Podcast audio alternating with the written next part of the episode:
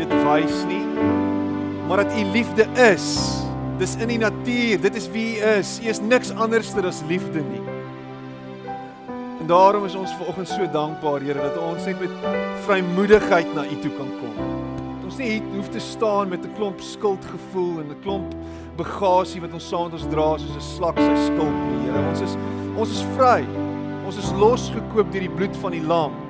En ons is dankbaar vir oggend Here dat ons aan U behoort want U het ons gekoop. U het ons gekoop en die prys was duur. Maar dit was vir U, Here, nie te veel nie. Want ons is vir U kosbaar en ons is dankbaar daarvoor, Here. Dankie dat U by elkeen van ons stil staan vir oggend. Dat U met elkeen van ons 'n afspraak het vir oggend. Dat U met elkeen van ons praat vir oggend. En dat ons hier sal uitstap ver oggend met die wete dat ons naby U was, by U was, want U was by ons. En ons dankie daarvoor. Amen. En amen. Baie dankie.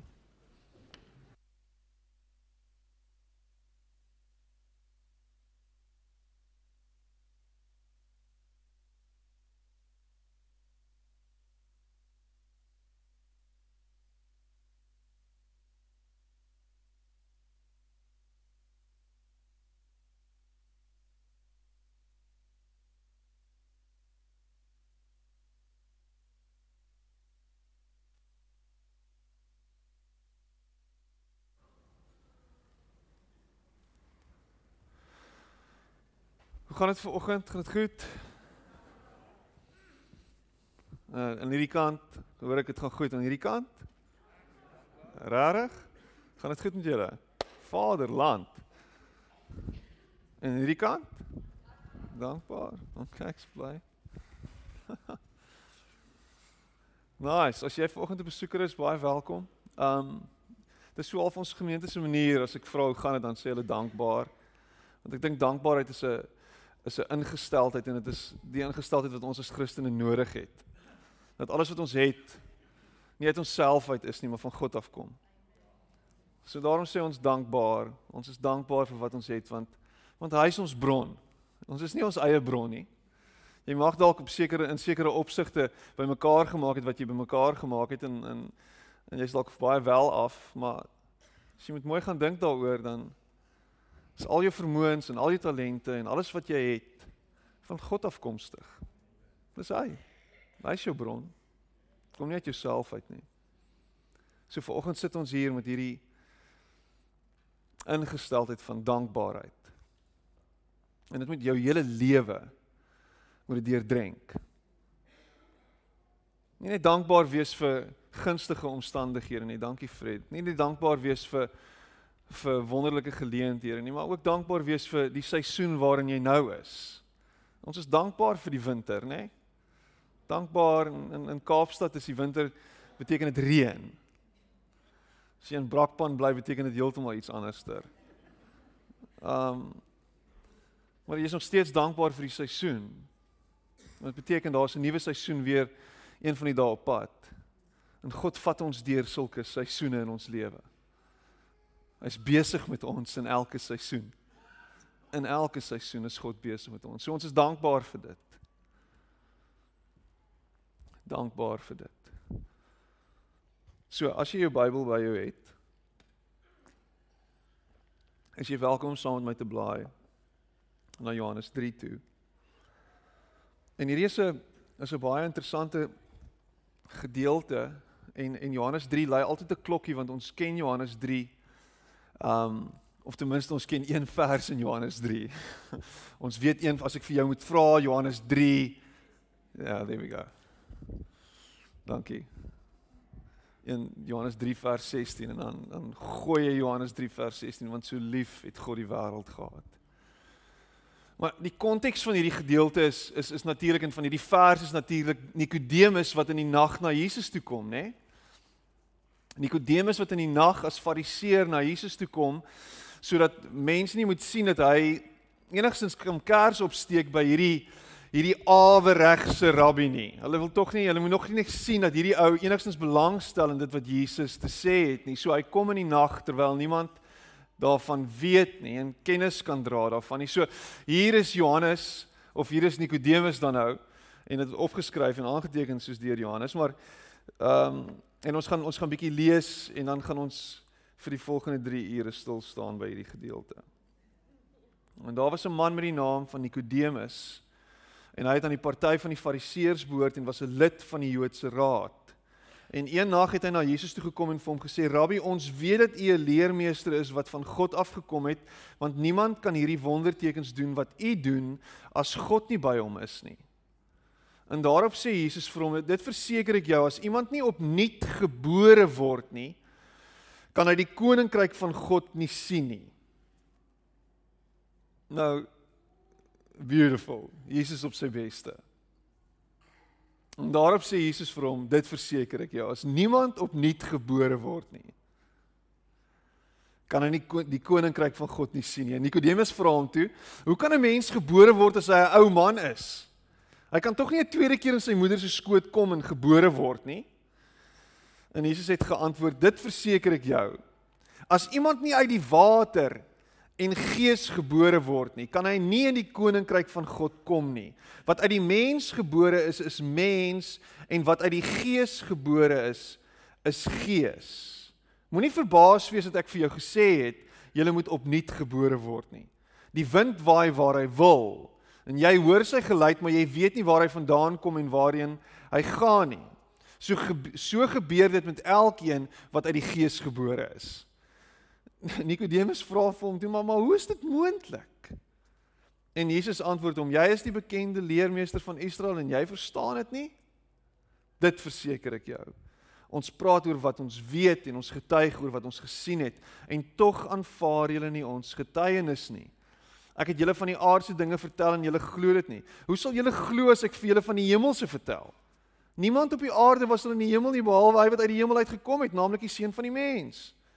En Moses het die slang in die woestyn hoog op 'n paal gesit, so met die seun van die mens verhoog word, sodat elkeen wat in hom glo, die ewige lewe kan hê. Vers 15. Vers 16. God het die wêreld so liefgehad dat hy sy enigste seun gegee het sodat die wat in hom glo nie verlore sal gaan nie, maar die ewige lewe sal hê.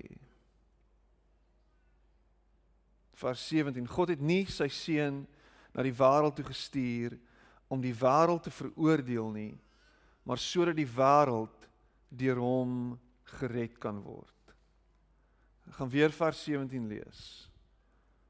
God het nie sy seun na die wêreld toe gestuur om die wêreld te veroordeel nie, maar sodat die wêreld deur hom gered kan word.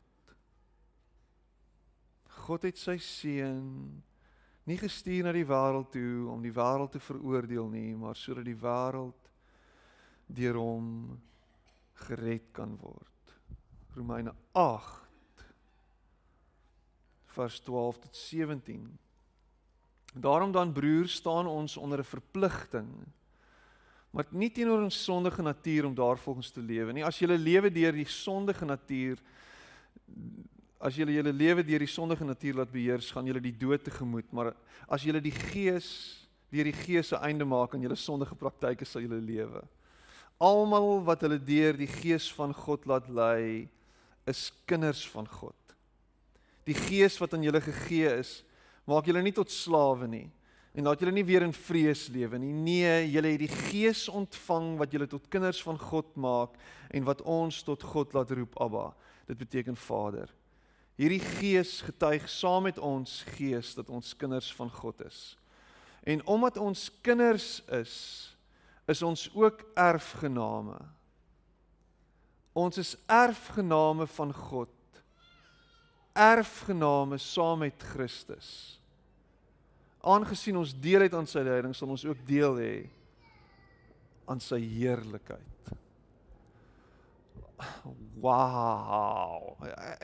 Dit is so is so mondvol en en en kom ons begin kom ons begin by Nikodemus en ek het gesê ons het 3 ure so ons gaan regtig in diepte werk hiermee en ons gaan bietjie na die Grieks kyk en dalk selfs bietjie vir die Hebreë stil staan.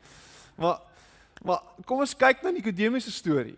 Nikodemus wat wat by Jesus aankom en vra hoe, hoe gaan dit werk? Verduidelik my. En en wat in Nikodemus se kop was was was sy ervaring as leraar, as leermeester, as fariseer, as skrifgeleerde, as een wat regtig die skrifte verstaan het. Een wat een wat die wet geken het. Een wat die wet op sy voorkop gedra het, al meer as 600 van dit het hy saam met hom gedra elke dag en hy het elke liewe wet gehoorsaam tot op die letter. Hierdie ou was 'n gesiene man gewees, maar iets aan Jesus het aan hom geknaag. Iets van Jesus het met hom gepraat. En hy moes verstaan hoe werk hierdie nuwe koninkryk waarvan Jesus praat. Wat beteken dit? En hoe gaan ek deel word van dit? En hoe gaan ek inkom in dit? Want as daar 'n stukkie waarheid hieraan is, dan moet ek dan moet ek hiervan leer en en en en myself dalk op een of ander manier probeer deel maak hiervan. En toe Jesus vir hom sê, hier's die geheim. Toe blaas dit bietjie sy brein. Want die probleem met hierdie hele stelling wat Jesus maak is is dat Hæ? Huh? Ekskuus. Kyk, as ons praat in die kerk nê van is jy al weer gebore? Dis iets wat ons wat ons regtig maklik vertel. Ons vertel vir mense van ons wedergeboorte. Ons is ons loop rond en sê op daardie en daardie dag is ek wedergebore. Daardie dag het ek my hart vir die Here gegee. Miskien het jy 'n datum. En miskien is die kerk waarin jy groot geword het, een van daai kerke wat sê jy moet 'n datum hê. Dis wanneer jy weer gebore is. Wanneer is jy gebore? Wel, ek is op die 18de Desember gebore. Wanneer is my wedergeboorte? Want ek het my hart omtrent elke liewe Sondag vir die Here gegee. So ek is elke Sondag weer gebore. Want ek het gehoor ek gaan hel toe elke liewe Sondag. En as ek nou my hart vir die Here gee, nie gaan 'n bus my raak kry en dan gaan iets gebeur en dan gaan ek 10 10 in die hemel mis. So ek moet my hart vir die Here gee Sondag na Sondag. So ek moet elke Sondag weergebore word. En die, en die probleem met met weergeboorte, wedergeboorte is is dat jy dit nie kan doen nie. Jy kan nie weergebore word nie. Gaan dink daaroor. En dis wat Jesus kom neersit vir Nikodemus. Hy sit vir hom neer dat jy moet weergebore word. Maar hoe? Hoe werk dit? Jy was dalk by die geboorte van jou van jou kind. Hoe gaan dit werk?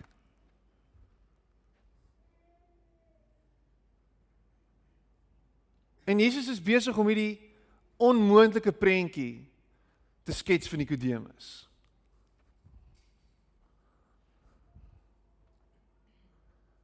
En hier sit ek en jy en ons probeer al ewige greep kry op hoe. En wat ons doen is, ons sit vir onsself 'n klomp reëls neer van hoe. En ons werk na 'n klomp goed toe. Want daar moet 'n manier wees. Daar moet 'n manier wees hoe ons hoe ons in lyn kan kom met hierdie ding. Dit kan tog nie net kan tog nie net kan ons nie net dit kan ons nie wees nie. Daar moet iets wees.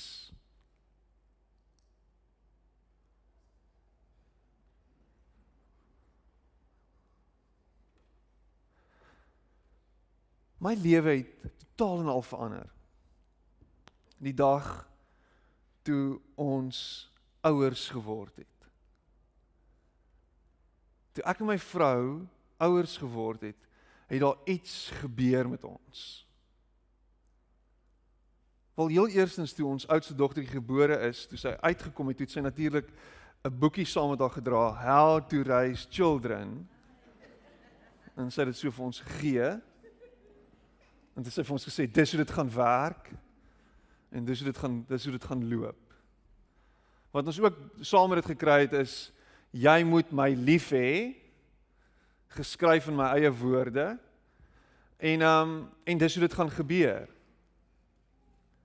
En en ek moet vir jou sê dit het nie so gewerk nie. Nou hierdie kleintjie is gebore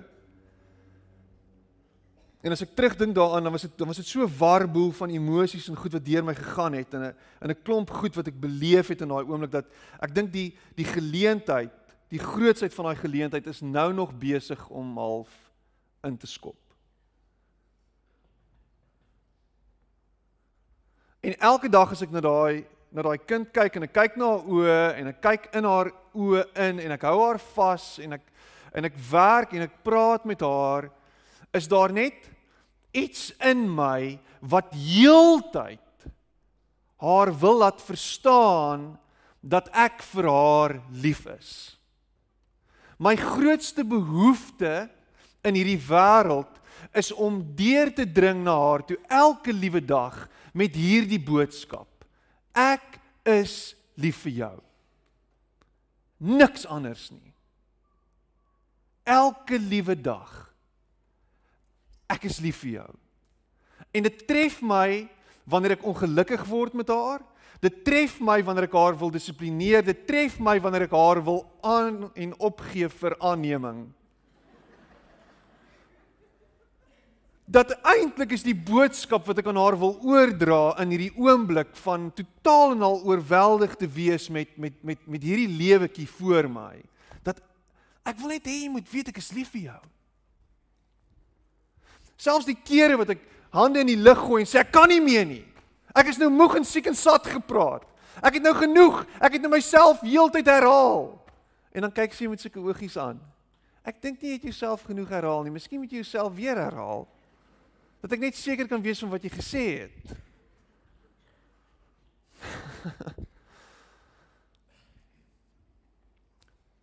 Selfs in daai oomblik. In daai oomblik is ek besig met hierdie ding. Sy moet weet ek is lief vir haar.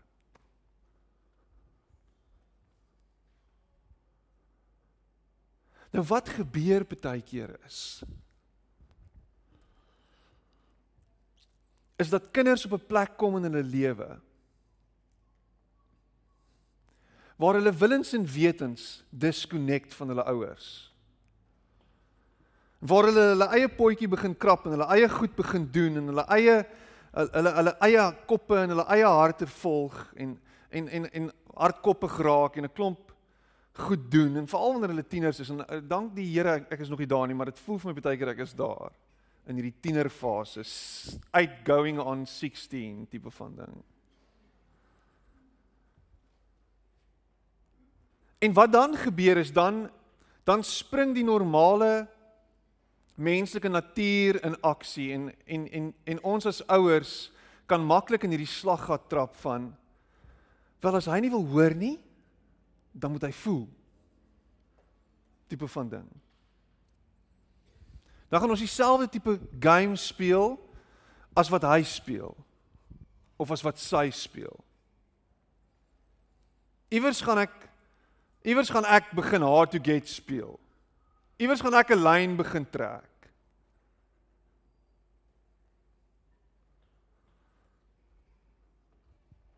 En dit voel vir my baie keer asof ouers daar vassteek. Nou ek sê dit vanuit 'n van 'n beperkte tipe van oogpunt uit.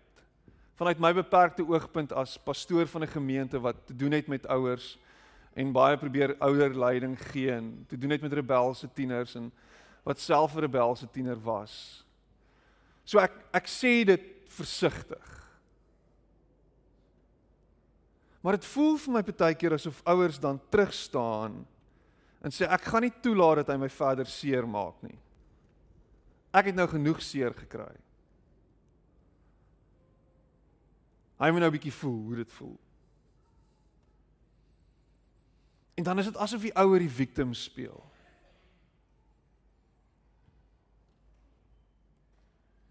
En so half terugsit en sê, "Maar nou kry ek seer." En ek kan myself nie verder blootstel hier aan nie.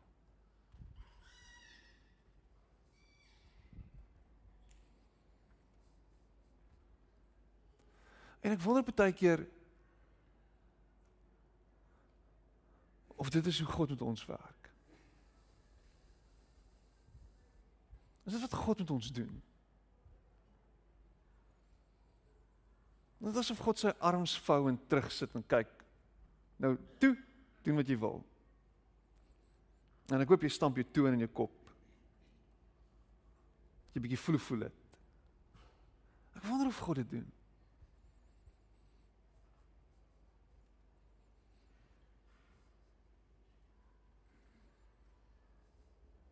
En wat baie keer gebeur om verder te gaan is ons as ouers begin manipuleer. En ons begin met allerlei angles begin ons kom en met ons kinders werk. Ons probeer dit teruglok op sekere maniere. Ons probeer goed doen om te kyk of hulle nie respond op dit nie. Ons probeer situasies probeer ons orkestreer en initieer sodat ons op 'n of ander manier hulle kan terugbring en teruglok. En in die proses is ons besig om eintlik net nog meer skade te doen. En if all else fails, dan dreig ons hulle.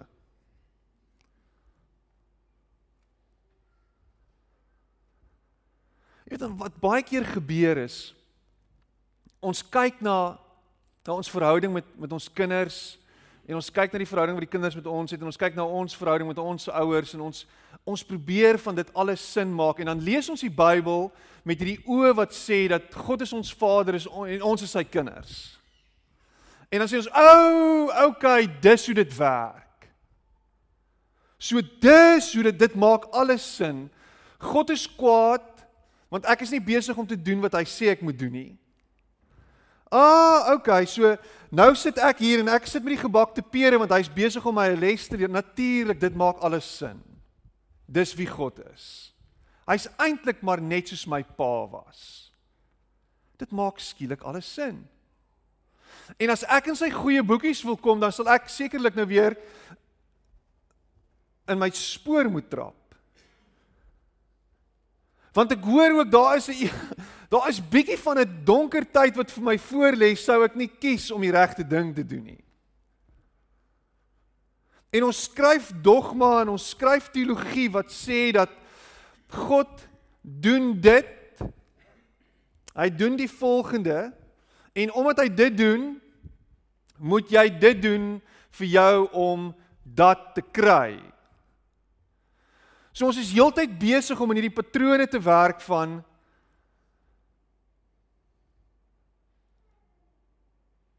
God moet behaag word. My pa moet impres word. Want dis wat hy verwag. En jy sien dit in kinders wat al lank al hulle ouers verloor het aan die dood en afgestaan het aan die dood wat nou nog probeer. Al is hy in sy 50s of in sy 40s of in sy 60s om sy pa te beïndruk wat lankal nie meer daar is nie. Alles wat hy doen is gedrewe vanuit hierdie plek van ek wens my pa kon dit sien. Dat net bietjie trots kan wees op my. Dat hy na my kan kyk en sê jy's goed. Mooi so.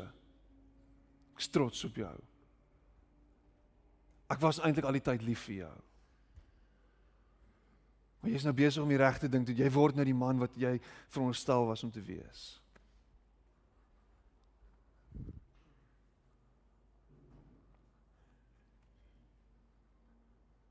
En ons mis God in dit. Ons mis die hart van die Vader in dit.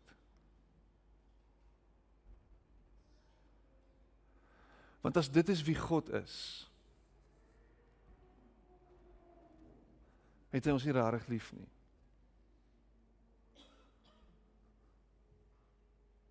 As die kruis van Jesus Christus 'n geleentheid was waar hy ons probeer manipuleer het om ons lief te hê. Is dit nie regtig liefde nie?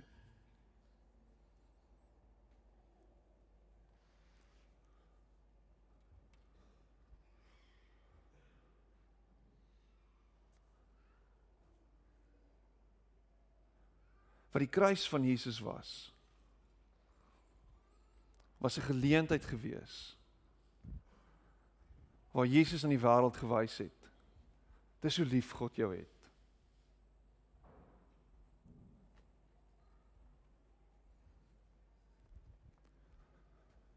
dis hoe lief hy jou het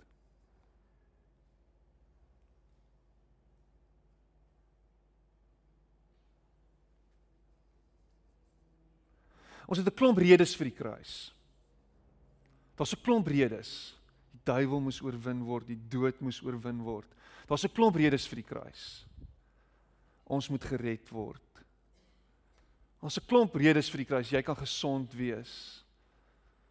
Ons 'n klomp redes vir die kruis en die bloed en jy kan skoon wees.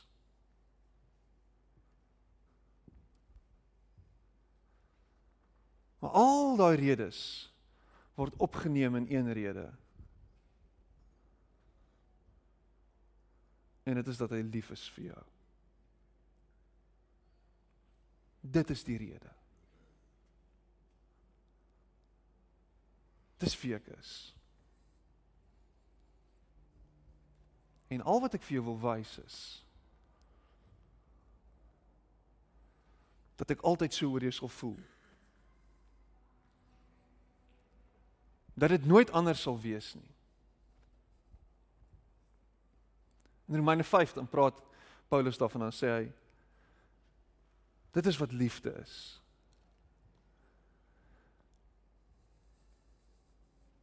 Dat Christus vir ons gesterf het terwyl ons nog sondaars was. Dis wat liefde is. So wys hy sy liefde aan ons. Dat hy nog dat hy sterf vir ons terwyl ons nog sondaars was. Mense wat niks met hom te doen wil hê nie, mense wat wegstap van hom af. Mense wat rebels is. Mense wat kwaad is. Dan sê hy, dis liefde. Ek sterf vir jou. Ek gee my hele lewe vir jou.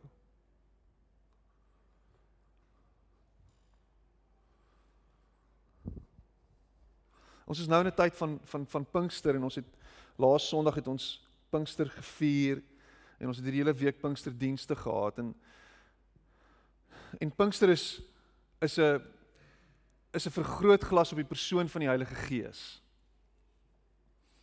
En wat ons as Pinkstermense gedoen het, ons is 'n Pinksterkerk, die AGS is deel van 'n Pinkster tradisie, is dat ons 'n baie groot fokus op die Gees plaas.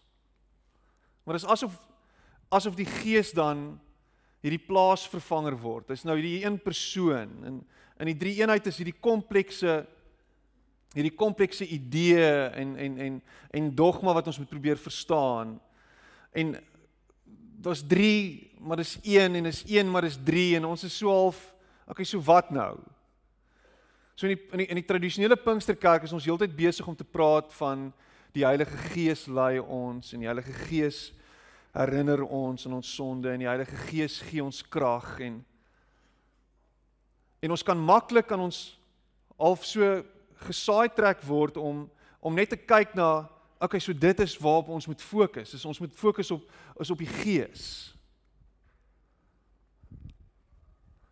Maar ons verloor uit die oog dat dat dit is 'n uitdrukking van wie God is. Is sy teenwoordigheid met ons is hy hier met ons wees. Is Jesus se gees teenwoordig by ons om ons binne in ons wat vir ons leiding gee elke dag omdat hy lief is vir ons. Omdat hy vir ons wil laat sê en laat verstaan dat ons nie alleen is nie. Dat hy ons nie gelos het nie dat hy met ons is waar ons ook al gaan. En dat as ons as ons oor sou gee en as ons sou toelaat dat hy die werk doen en sê Here ek kan myself nie red nie. Ek wil myself nie red nie. Is daar iets wat gebeur binne in my? Dat ek actually 'n kind van God genoem kan word. Want hy het my gewederbaar. Hy het my nuwe lewe gegee. Hy het my 'n nuwe toekoms gegee. Hy het my 'n nuwe hoop gegee. Ek het my lewe aan hom gegee en toevertrou en gesê, Here, maak met my en doen met my wat net U kan. Nikodemus, gee net jou lewe vir my sodat ek vir jou nuwe lewe kan gee. Vertrou net op my dat ek die antwoord is op al jou vrae. Stap net saam met my. Hier's geen agenda nie. Die enigste agenda wat ek het, o, oh, dis 'n bietjie van 'n paradoks. Hier's geen agenda nie. Die enigste agenda wat ek het is dat ek wil hê jy moet weet ek is lief vir jou. Kyk my in my oë en weet ek is lief vir jou en weet dat ek by jou is en soveel so ver wil gaan as om te sê ek is binne in jou. En dan sê Romeine 8, dan sê hy hier aan die einde van vers 17, dan sê hy hy sê ons is erfgename. Ons is erfgename. Ons is binne in sy testament ingeskryf. Maar dan sê hy ons is erfgename. Christus is ook 'n erfgenaam, maar ons is saam met Christus mede-erfgename. Ek weet nie of ons dit besef nie. Ek weet nie of ons verstaan die implikasies van dit nie. dat hy ons op 'n plek sit waar ons dieselfde waarde en dieselfde dieselfde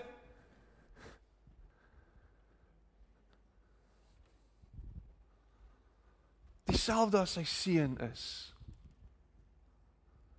in sy oë. Dis wie hy is. Dis niks anders as dit nie. Jy is nie jou mislukkings nie. Jy is nie die goed wat jy saam met jou dra nie. Jy is nie al die seer en al die pyn nie. Jy is nie al die rejection nie. Jy is nie al die gemors nie. Dis nie wie jy is nie. Jy is wat God sê jy is. En hy sê ek het jou nuwe lewe gegee. Jy is myne. Jy is my kind.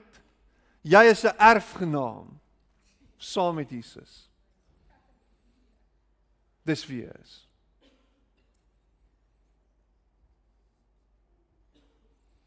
En hier sit jy ver oggend met 'n klomp gedagtes wat deur jou kop gaan van wie God is en jy vergelyk hom met jou pa. Want jou pa het jou afgeskryf baie lank terug al. Want jou pa het jou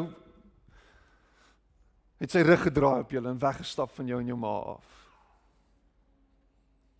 Want jou pa het jou seer gemaak. En jou pa het jou altyd laat skuldig voel en altyd gesê dis jou skuld. Dis jou skuld. Dis jou skuld. En ek bestraf dit vandag in Jesus naam binne in jou lewe. En ek sê dit vir jou, dit is nie jou skuld nie. Dit is nie jou skuld nie.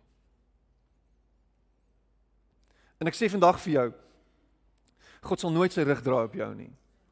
Hy het ook nie.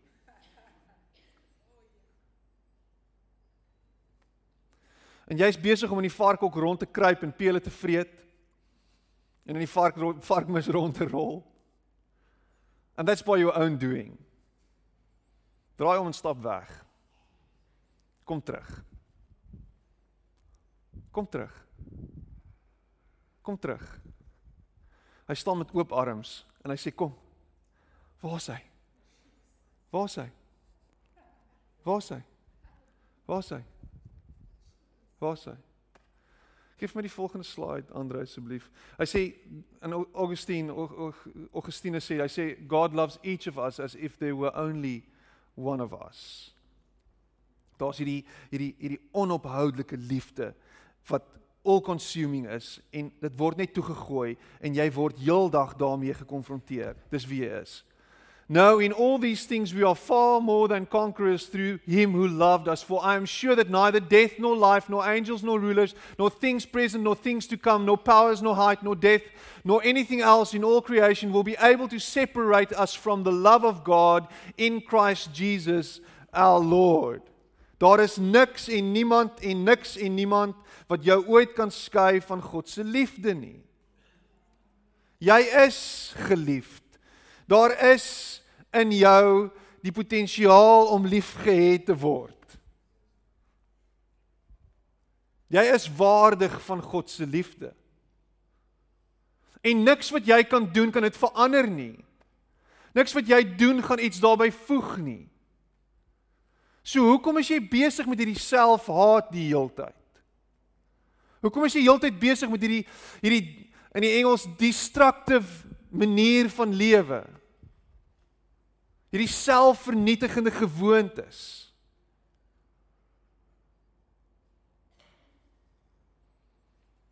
Hoekom besef jy nie dat jy kan regmaak nie? Dat jy kan opmaak nie? Dat jy na jou vrou toe kan gaan en sê ek is jammer vir my harde kopgeit. En dan wys ek eintlik na dit. Dat jy na jou kinders toe kan gaan en sê ek is jammer vir dit wat ek aan julle gedoen het en aan julle ma gedoen het en nog steeds doen. Jy het die kans om oor te begin elke liewe dag deur sy genade. En die dit gaan nie oor God wat nie wat vir jou minder lief is omdat jy dit nie doen nie. Dit gaan oor hy is so lief vir jou, kan jy dit nie sien nie. Dat hy vir jou oor en oor en oor 'n geleentheid gee om dit oor en oor en oor en oor te kies. Hy sê kom. Maak reg. Maak reg. Ek gee vir jou weer 'n kans.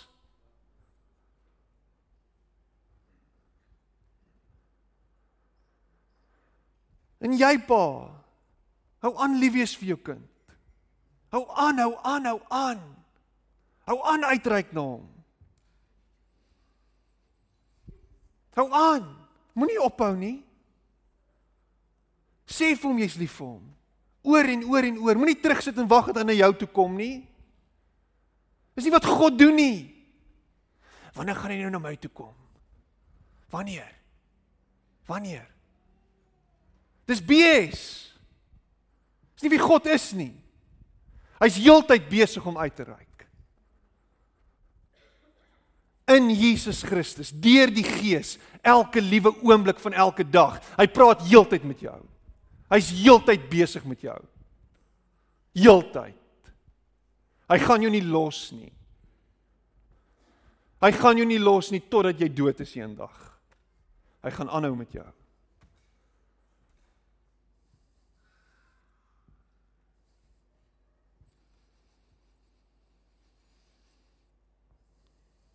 Ek is oortuig daarvan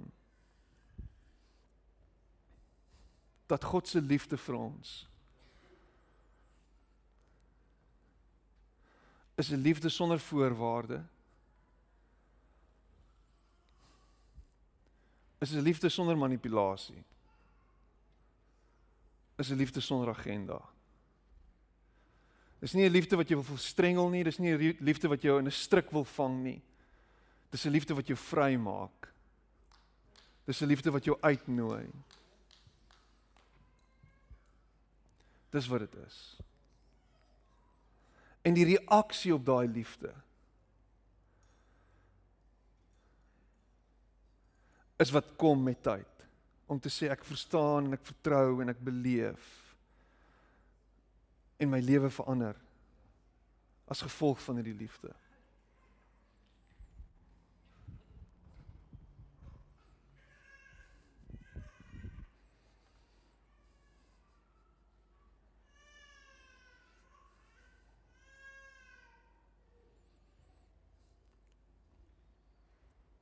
Jy sit te veel oggend hier en jy's jy's heeltyd besig met hierdie worsteling. Jy's heeltyd besig met hierdie gedagtes in jou kop. Hierdie Christen ding, hierdie Christendom, hierdie Jesus ding, hierdie God ding, hierdie kerk ding, hierdie Here ding. Hierdie iets is nie vir my nie.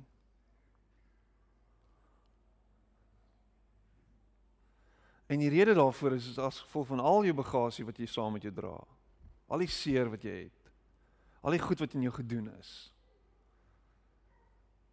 Al die vrae, al die hoekoms, al die waaroms, al daai goed.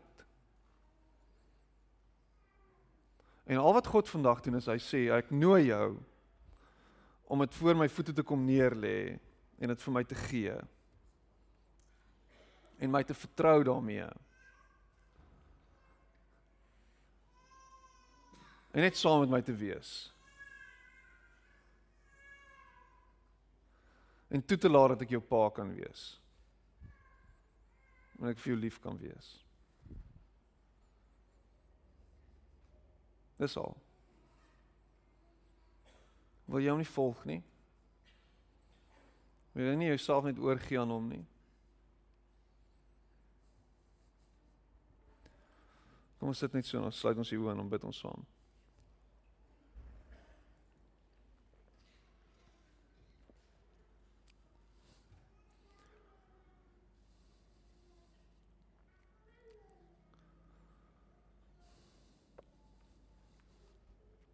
Here ons sit ver oggend voor u en ons almal kom met al ons goed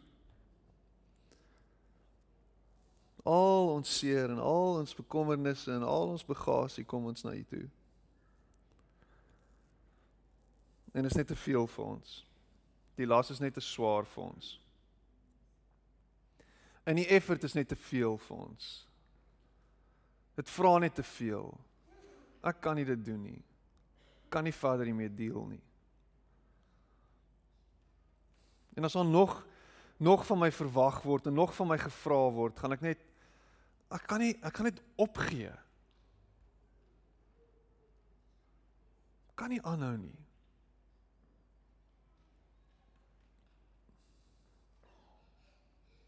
Here vir oggend staan jy met oop arms en jy nooi ons uit om juis te kom oorgee en te kom opgee.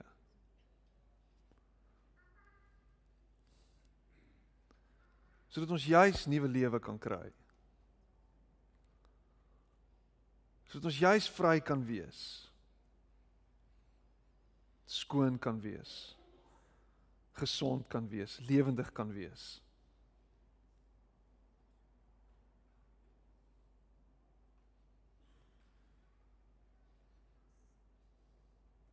Here ons is jammer nie vir wat ons net aan U gedoen het nie, maar wat ons aan onsself ook doen elke dag. Ons is jammer vir die seer wat ons aan onsself doen en die die negatiewe gedagtes wat ons heeltyd koester in onsself en die heeltyd wat ons self oor onsself uitspreek en die dood wat ons praat in die in die in die in die in die gemors waaroor ons heeltyd dink. Here ons ons vra om verskoning en ons wil dit vir U gee. Kom vul ons gedagtes met U Gees. Kom maak ons vol met u heerlikheid. Kom neem ons oor.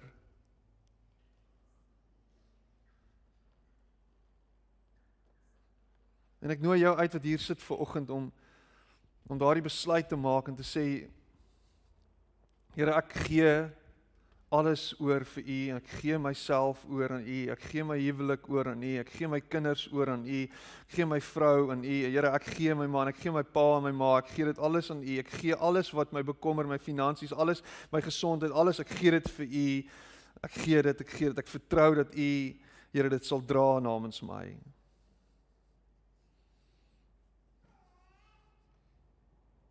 Dankie dat u stikkende harte heel maak vandag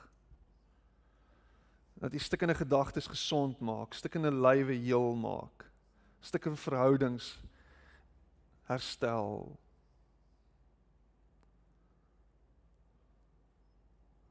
En dat U vir ons die krag sal gee om elke dag voort te beheer en aan te hou en aan te hou en aan te hou. Dat U dat U vir ons die genade sal gee om aan te hou en nie op te hou nie.